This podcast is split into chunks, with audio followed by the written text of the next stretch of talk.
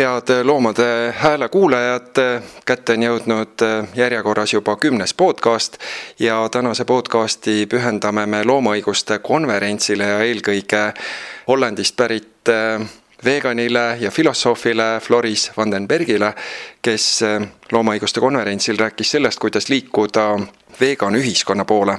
me istume taas kord Loomuse kontoris ja siin on Floris van den Berg ja Loomuse liige Mattias Turovski ja nüüd lülitume üle inglise keelele ja küsimusi asub küsima Mattias. Hello. Okay, so first question I would like to ask you is that in your talk you mentioned um, that you are a liberal, therefore you are a vegan. So could you uh, could you elaborate on this? Uh, how does one follow from the other, or, or how does it happen so necessarily in your mind? Well, a liberal is a person who says everything is allowed as long as you do not harm others. That's the principle, as has been pointed out by philosopher John Stuart Mill in his book On Liberty, already in 1859. However, usually it is only limited to, uh, to humans. But I think, and a lot of philosophers with me, that we should expand the moral circle to also include non human animals, to all animals that can suffer and if you and if you then apply the liberal criterion of no harm, everything is allowed as long as you do not harm others, and the others include non-human animals, then it lo logically follows that if you are a, a, consistent liberal, then you have to be a vegan. It sounds like a, a paradox, but it's not a contradiction. Have you confronted people who are outspokenly liberal uh, with this? Uh, how will they react? I see myself as a liberal in the sense, as I just pointed out, that, that everyone, individual, should have the largest possible individual liberty as long as he or she does not harm others.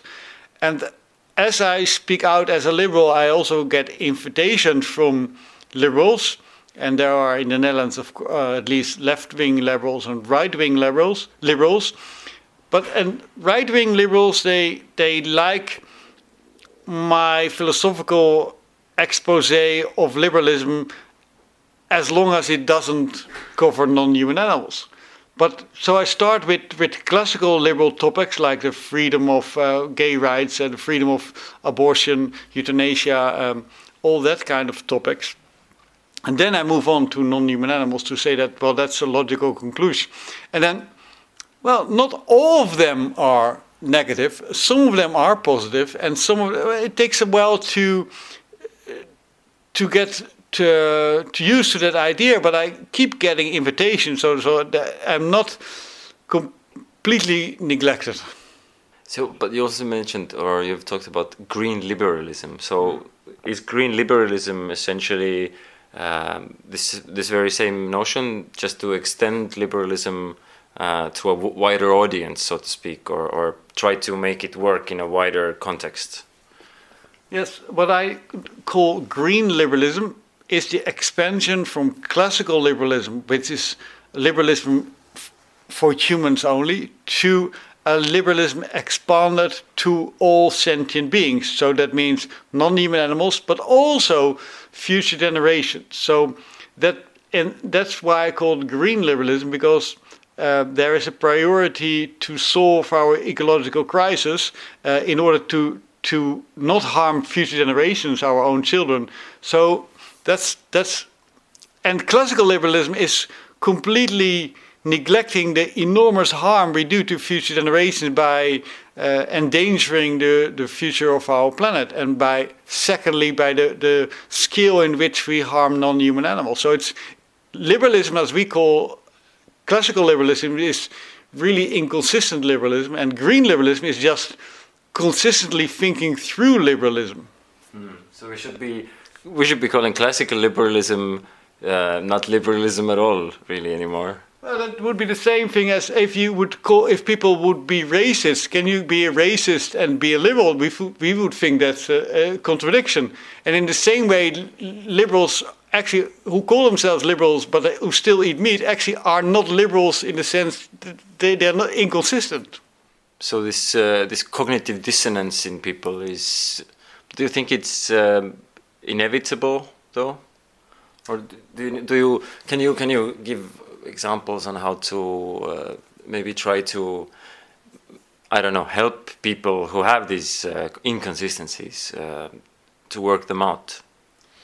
People have a psychological ability to really handle cognitive dissonances. They really don't are not bothered by them. The majority of the people. I think that the the, the what philosophers can be helpful with is to point out inconsistencies in people's uh, opinions and, and a set of ideas. But then the second question is how what to do with it. If you point it out, then pointing out is not enough. So we should also help to change people's views and actions. But how to do that? It's that that turns to be really, really, really difficult. Um, for example, uh, I work at a uh, Utrecht University, and they are all, you, at the university, all academics. I can point out the arguments, uh, but and, and, one of the things that I want to establish is to make Utrecht University the first fully vegan university in the world because of the arguments I just said. But but telling them it's not enough, and and but they still want to be green and they want to be progressive and they want to be ethical. And then they, and when you point out that you cannot be ethical and at the same time serve uh, bodies of dead animals in, in ill canteens they don't want to listen. That's a big cognitive dissonance. But that's because the, the shift of what is considered normal by mainstream society should shift to a new paradigm. And paradigm shifts are very hard to establish, but it has been um, occurred in history before, like like the emancipation of, of women in society, the emancipation of uh, homosexuals in society. But it but it takes a lot of work by by by dedicated people like like animal rights activists. So you think uh, we are fair in saying, and, uh, and it's philosophically sound to say that that animal rights movement is truly the emancipation movement of our time. That they are essentially essentially the same, just the kind of the um, well, not the medium, but uh, the shift has happened toward a different uh, subject. I think that's well, I think it's one of the the the main emancipation movement. The other one is future generations, uh, which are also very important. And usually, they, I mean, they they go together. Uh, moving towards a plant-based diet diet is good for future generations and also good for the animals. So it goes hand in hand. Tell us, animal rights movement yeah. is an emancipation movement. it, it is an emancipation move, movement, and but we don't know if it will work out. I do hope my, my dream is that my I have children now that my grandchildren will will ask me that grandpa is it really true that people used to eat animals that they they after they the paradigm has changed that they don't understand that it once was the case? Like we look back in shame that there was a time when gay people didn't have the same rights, or when, when even further back in time, but that our grandparents, well, over over grandparents did have slaves. Like it's really shameful to admit that, and I, uh, the same would be the way that we treat uh, animals in our society. Would you say that that the way that you teach, that your teaching method is uh, is unique, is is kind of original or differs principally from this uh, classical way that uh, that most people think philosophy ought to be or is taught. Like, do you do you use some kind of more energetic or eccentric uh, ways of teaching? What I think philosophy is is also maybe bit different from mainstream philosophy. I, am much influenced by the idea of philosophy being practical, by practical ethics, as, as Peter Singer uses use it, to use to see philosophy as a toolbox to help to create a better world. So that's what I also try to do in my in my uh, uh, as an educator. I want to educate people to help to contribute to a better world and not to a worse world. Um, and I try to experiment also with with how to do that in an effective way. So to to bring out change in people, but they have to make their own the change not because I say it, because that's where the best arguments are, and that they are inspired to go that way. And I think that I try with with new kinds of educational methods to to go a level deeper than just just a professor uh, having a one-way lecture in a class. So I really try to experiment with all kind of of new teaching methods to reach that. If you look at kind of um, what you teach, environmental ethics is uh, it's a very very important subject in the sense that uh, you have the potential uh, to to change people's well essentially hearts and minds change their minds about how they interact with the world. So I'm just thinking now, bringing these parallels in that that if you have been developing over the years these more kind of practical and, um, and encroaching ways of, uh, of, of how to affect your students, I see it kind of like an evolution, you know, because uh, environmental ethics is there is a great need for it in the world. So you're trying to kind of uh, find ways in which to uh, to make it more and more uh, effective. For example, probably it's quite easy to, or well, not quite easy, but the method to uh, methodology to teach uh, higher mathematics is very well established, and you don't have to do workshops, uh, etc. Uh, but but in this case of, of environmental ethics, then environmental ethics is one of the newest branches in philosophy. So philosophy used to be main part of the 20th century very abstract. And only since the 1970s, or again, Peter Singer is one of the pioneers in that there is practical ethics applying philosophy to real world problems. And two, two offshoots of that, two specializations within applied ethics are animal ethics and environmental ethics. So they are really the newest branches and they, they are very small branches as all the, although the, the problems are huge, there's only a very tiny fragment of all academic philosophers who, who, who have uh, specialized in that field. And actually, that is, yeah, I think a shame of philosophers who, other philosophers who should also, it's like, like, um, that we are on a ship, the ship is almost sinking, but there are still people working on the libraries on very important translations of old stuff, eh, which is important, but only if the ship doesn't sink. So I'm really, look, if, if there wouldn't be an ecological crisis, then I probably, that I would be working on other problems, which would be the, the, the second worst problem, right? So I'm, I'm really working on there's a priority of problems, and I, I'm a bit disappointed that that environmental ethics, which addresses this most important topic, gets so little attention also in academic circles. So I really would hope to see that it spreads much more. And then second, also that the way that it is taught by some philosophers is that it sometimes is very academic and doesn't really uh, have to do anything with the real world problems. So uh, uh, all in all, I'm a little, little bit disappointed.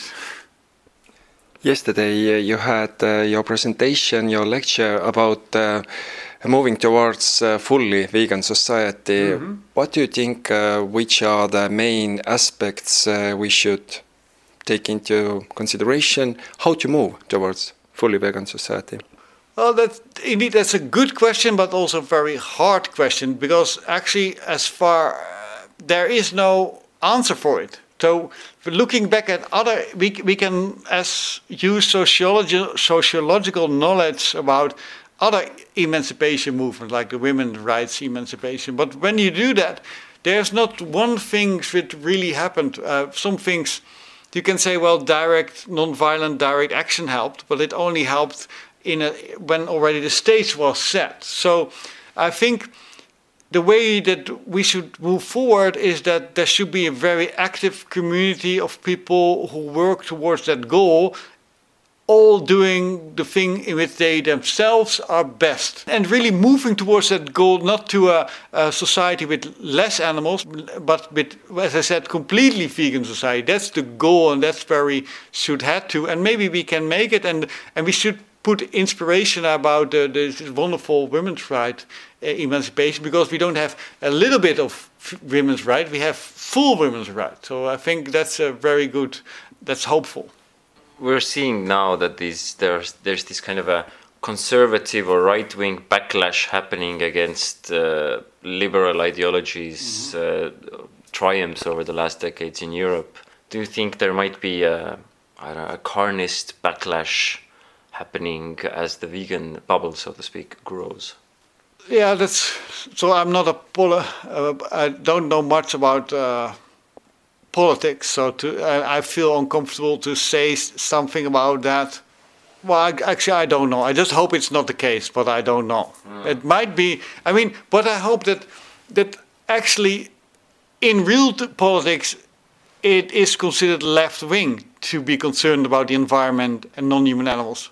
But actually, that shouldn't be the case. That I mean, on the right hand of the political spectrum, they also need a planet, uh, and they, so so they, and they also have values, and and and many of them also have liberal values. Only they have it in inconsistent ways. So, I do hope that both environmental ethics, environmental problems, and animal liberation should be liberated from being left wing or right wing. They should be just issues and, and, and, and, and taken up by all of them. So we should also not, I think, too easily bash in this way the right wing because they should also be on board. Also, maybe they don't know them themselves, but that they always have this invitation to come on board on this issue, and there will be issues enough to fight uh, over, but not should not be on this is these issues. So it's like uh, the green uh, green movement or green thinking uh, is an invitation uh, for an emancipation from this traditional political system altogether, perhaps. Which yeah. is also why green parties, uh, well, at least most of them or half of them, they don't say that they're left or right. They're just simply above or pulling pulling pulling both uh, both the left and rightists in the same direction. Yeah, that's true. So, could you condense uh, this uh, moral theory of yours, universal subjectivism? Uh, could you talk about it a little bit? Yeah. So actually, so I have two ethical theories. One which we just discussed, green liberalism, no harm, and then expanded towards non-human animals. But there's another route towards uh, but maybe the same conclusions, but a little bit different. It's a social contract theory for those who know philosophers. It's based on John Rawls' uh, theory of justice, and it's a simple thought experiment. That imagine how it would that you would imagine yourself to to be in the worst possible position, and that you from that position are able to change the conditions in society to make the best of it. So imagine that you would enter the world sitting in a wheelchair. We can, we can all imagine that we, we sit in a wheelchair and that, that there are no that there's a society in which there are no wheelchair ramps. So we cannot enter buildings or, we can, or schools. But we can also imagine a world in which society facilitates wheelchair ramps, and that's a much better society for the people in wheelchairs. And, and universal objectivism makes you not to be that you have to feel empathy with other people sitting in wheelchairs, but what if you were sitting in a wheelchair? What would kind of world would you would have? And then this universal subjectivism goes on to look at all kind of uh, worst off positions. So what if you were a homosexual in a society which would discriminate against homosexuals? What if you were a woman in a society which is deeply misogynic? But so this is basically John Rawls' theory. But you could go one step one step further and say, well, how would you find it if you were a pig in industrial uh, uh, farms? How would you find it to be castrated without anesthesia, for example? Well, then you can think, well, but if I would be that pig, how would I want to be treated? And probably not so as the pigs are treated in our society. So that would lead to a whole different kind of society. So, and how we treat animals, not that we care about animals, so, but about yourself. So this is a thought experiment, so a, a device to help you to, to gain empathy through this universal subjectivism by, by imagining yourself to be in that position. And the last one you could do is um, what if you were not born now, but in well, 100 years? Then, then, and then the planet, if we continue on this way, will look completely different because of climate change, deforestation, uh, desertification, you name it. So, if you want to have your children to live on a planet which is as good as our planet, now we would need radical change. So just just because of this thought experiment of of putting yourself in the feet of victims. So and this is like in a nutshell what universal subjectivism is about. You have written many books, and uh, maybe some of the more outstanding uh, titles of them are The Happy Vegan, The Happy Feminist, and The Happy Atheist. Yes. Uh, so, really hoping that these are uh, soon to be published in English, I so we could so read too. them. Um, but um, what inspired you to, to name them thus? Uh, so, so why happy? Well, Why not, of course? yeah. so I started out with the happy vegan, and and it has two reasons. So that I think that um, usually when people speak about veganism, they for, who are not vegans, they think about grumpy, angry, uh, weird people, and uh, and and but when I became a vegan myself, um, I really enjoyed being a vegan. I and I met happy vegans, and it brought it really brought joy in my life, and also in my. I did. I never experienced so. I had never such good experience with food as when I became. Uh, I turned uh, turned vegan. So it really brought a lot of happiness in my life, and and of course. Uh, for the animals uh, and for the planet, uh, veganism brings a lot more happiness than than non-vegan. So, so it really is a, a positive message. I wanted to point out that veganism is not something that takes things away from people, but brings happiness to the world. So it's a positive message, not a negative message. And the same with with with with feminism. Feminism is used generally. People are using it in a dec- decor- decorative way, uh, in a negative sense. But I think that, of course, if you think that men and women should have equal rights and are, moral, have the same moral standard, then you are a feminist, and you can also say that as a man. And and we should. And a feminist world is a much more happy world. I mean, a world in which we can mingle with men and women equally is much more nice as when it is completely um, separated and uh, so so a feminist world is a happy world and and about atheism I think that a world without established religions uh, which which are very paternalistic which really mingle with individual lives if you could have get away with that, that in a peaceful manner then the world would be a, a much more happy place so that's why, and the reason why there are three is that my, my mother in law says trilogies are the best. So that's why I wrote a trilogy. So we went to a workshop with you today, and it was a it was a very very interesting experience for us. When I was there, at the same time I felt that this is very new and, and intuitive and, and innovative way of of uh, you know spending time in nature together. But at the same time, it felt like how have I never done this or how have I never thought of this? It, it, felt immediately familiar to me. How did you come upon this format and how do you use it in your, uh, in your professional life and how has it changed uh, your interactions with your students?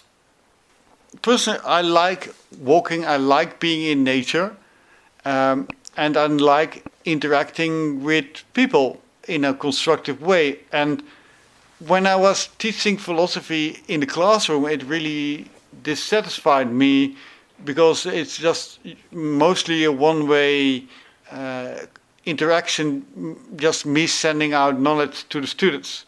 And it's not all wrong, but, but I think there was something missing.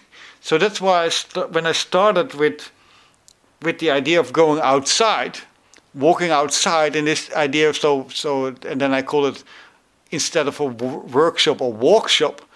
And then it then it then I started to think what more can we do. And then this whole idea started growing and growing and, and getting all kind of, of, of exercises and making it more reflective and letting people really do philosophy instead of and instead of you having students to read Kant in the in the, in the primary text and I think think this is much more directly um, makes more sense to how you live your life than, than, than in reading text. So I'm not against reading text, but I think this is really brings philosophy to life and also, well, that's uh, what I said today is uh, at the workshop um, that sometimes people make this distinction between now we are in a classroom uh, or being educated and life goes on after that. That and I think that education is already part of life, and we should live the best life as we can, and not just wait.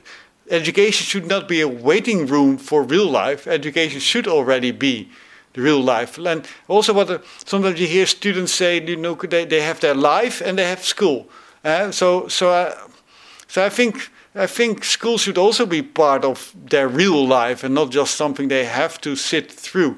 So that's why I'm, I'm really experimenting with these workshops, and I hear all the when I see people really. I see laughter in their faces. I see people enthusiastic. There's a lot of interaction, communication, connectedness together with nature, and it really opens up all kind of new interactions. It's much more direct when when I give a, a lecture, I like giving lectures because I like talking, but it's just there's not so much connection, and with the workshop there is connection. Yeah, I, I am. I only uh, started also giving these courses. Um, only done it three years, uh, but uh, but I but I completely understand what, what you meant. That you felt kind of dissatisfied. That also, I I have my lecture, ninety minutes I only talk, maybe a few other sentences here and there from the students, and then we discuss. But mostly I talk, and then when we're done and, and, and the course is over or the lecture is over, then I have a like a dissatisfaction. I almost feel isolated because, and, and, and I have isolated myself through this format. That I don't really uh, interact with them. I don't give them a chance to interact with me. So. Did you say why did I? You haven't never heard of it, and I think in general, there there's not well, it's not completely new. When you Google and go outside education, it exists, but it's there. there this this idea of what education should be is is so narrow in mainstream, so that you have to find niches to find a difference. And what I like about university, well, at least where I come from, that there is at least this possibility that they give you room to experiment even if it's not encouraged, but it, it there's enough room to, to do it. So so I try to do it as much as I can, and and, and I hope also to to learn from others, and also hope that it maybe expands, and maybe it also you can do it here in Estonia. I'm definitely going to. We're, going to start promoting it uh, with Loomus, that's for sure. but so, um, could you give us a few examples what goes on uh, in a in a workshop? What kind of practices uh, people do there? So a walkshop is doing philosophy yourself in nature, so that it means and to one of the it makes uh, one of the things you can do is to really reflect on who you want to be. And so it is a structured way of being outside. So the, the, the, people who, the person who guides it should think about what kind of exercises to do. So when there is like a cadence between, sometimes people walk together on it and they, they, they have a theme to speak about. It's like a, what, what kind of person do you want to be and the other person listens. And then you can, you can change, then one person talking, the other person talking.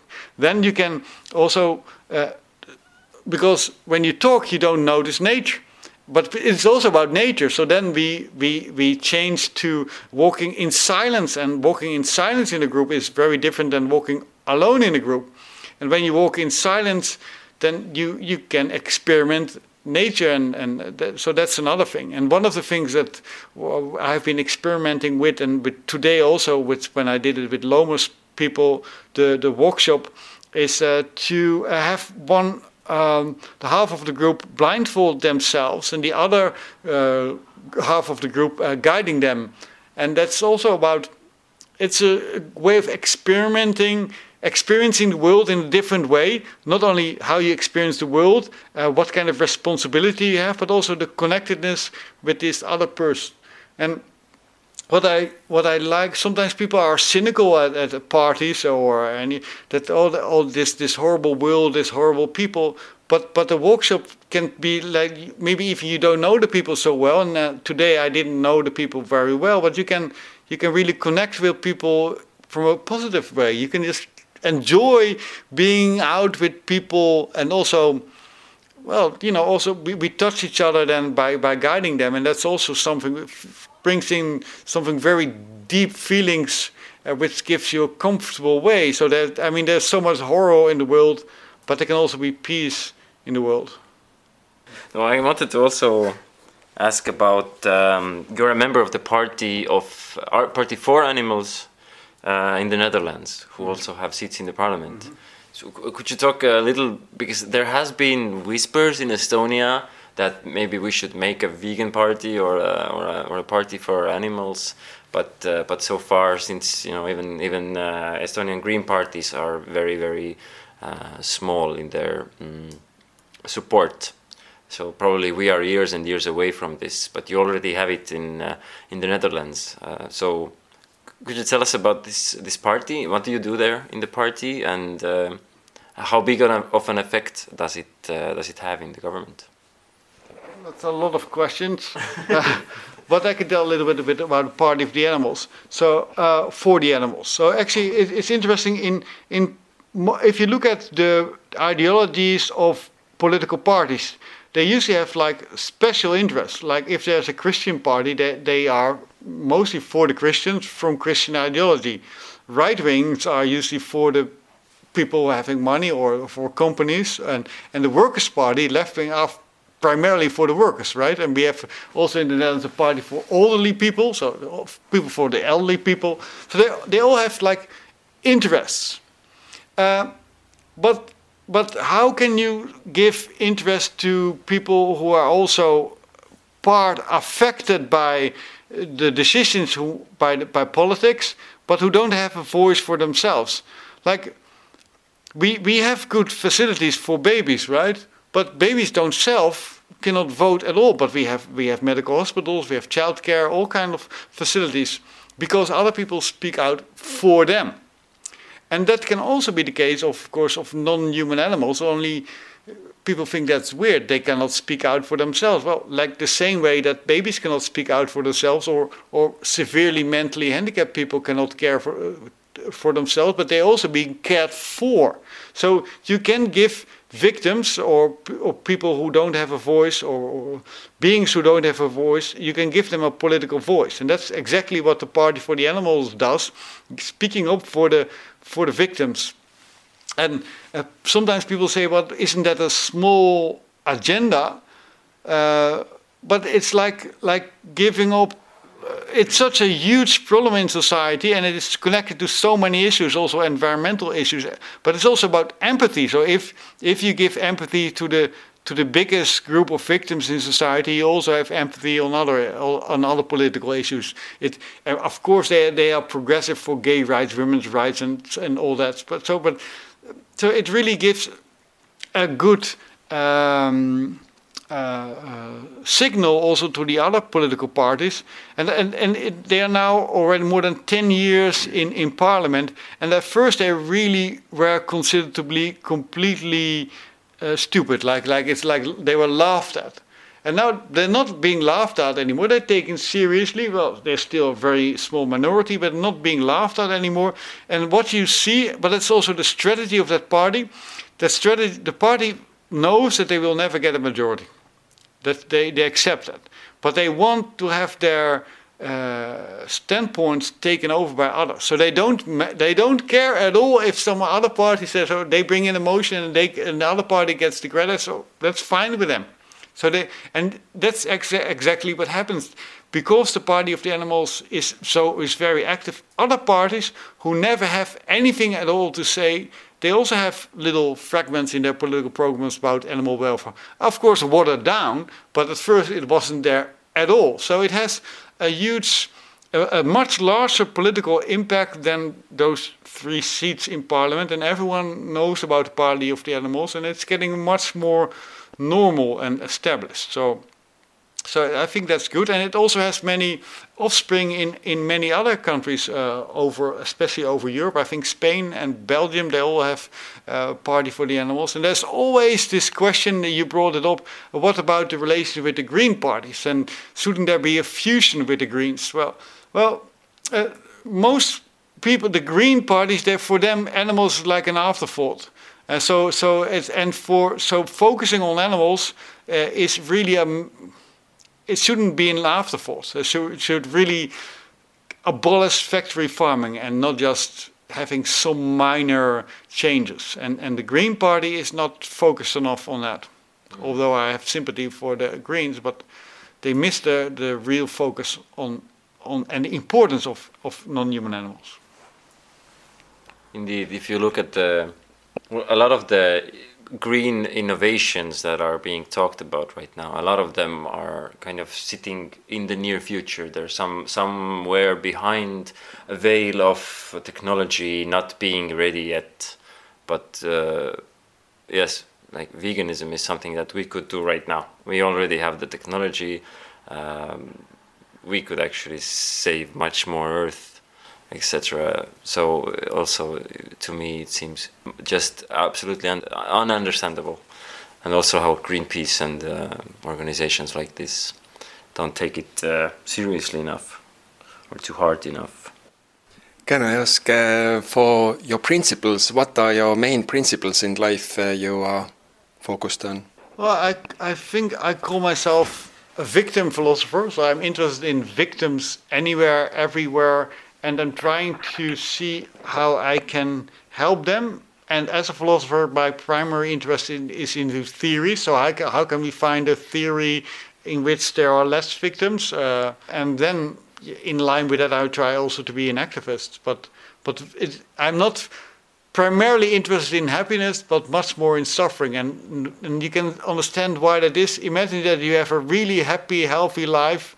You have everything in life that you, you dream of, but at a certain point you have real toothache. And then, you know, if there is not a good dentist and you don't have good anesthesia, then, then all the happiness is, is worth for nothing. You only want to get rid of the suffering. So that is why of course, I care about happiness, but, but there's the priority. We first have to get rid of the, the most severe suffering.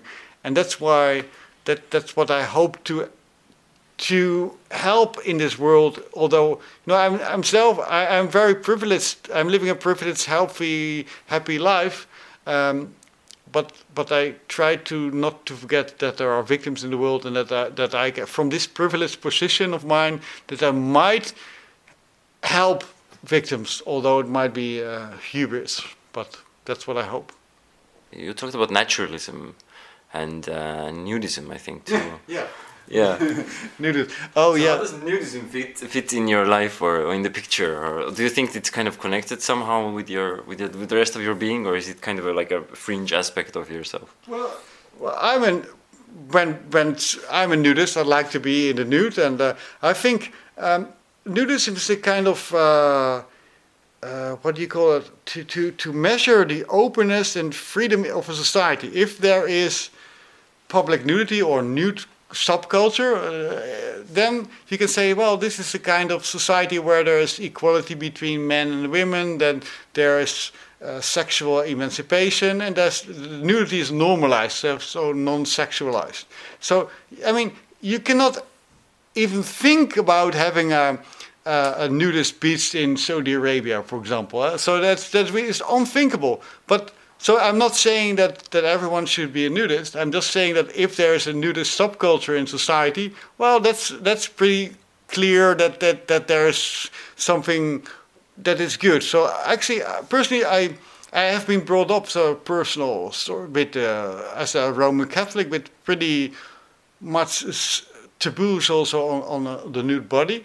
And when I was experienced the, the, the sauna culture, in which, which men and women are together and naked, I really felt like liberated. Like, okay, so this is also possible. You don't. It really took a long time to get rid of my own, uh, to be ashamed of my own body. Uh, so and now, so that's why I personally like it. I feel this as a much freedom, and I, and second, from a political philosophy, it's really important that it is there. So I'm also a member of the nudist society in the Netherlands because I think if, if that's not there, then then that's that's important. So I'm again, I'm not saying that we all should be nudists, but I think it's well, important. okay.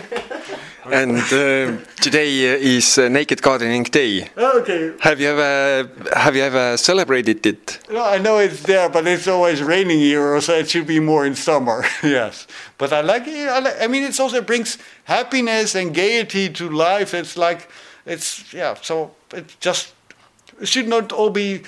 Philosophy is usually about very. Uh, topics which are considered difficult. But I think you know nudity is also important, and and you can uh, it brings happiness, and it should also be in philosophy. That's why I, I, I wrote about it in my philosophy book and the nude philosopher. Hmm. Nude philosopher. So we should have start. Now we're going to take from this that we're going to start having nude workshops in our gatherings. Uh, as long as it's in summer, then I'm in. Thank you.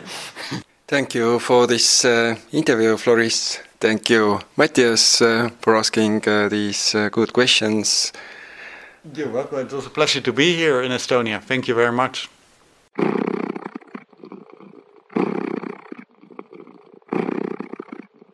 hea Loomade Hääle kuulaja, nüüd on ka sinu võimalus omapoolselt loomust toetada. mine kodulehele loomus.ee kaldkriips toeta ja vaata lähemalt, kuidas saad meile toeks olla. aitäh sulle ette!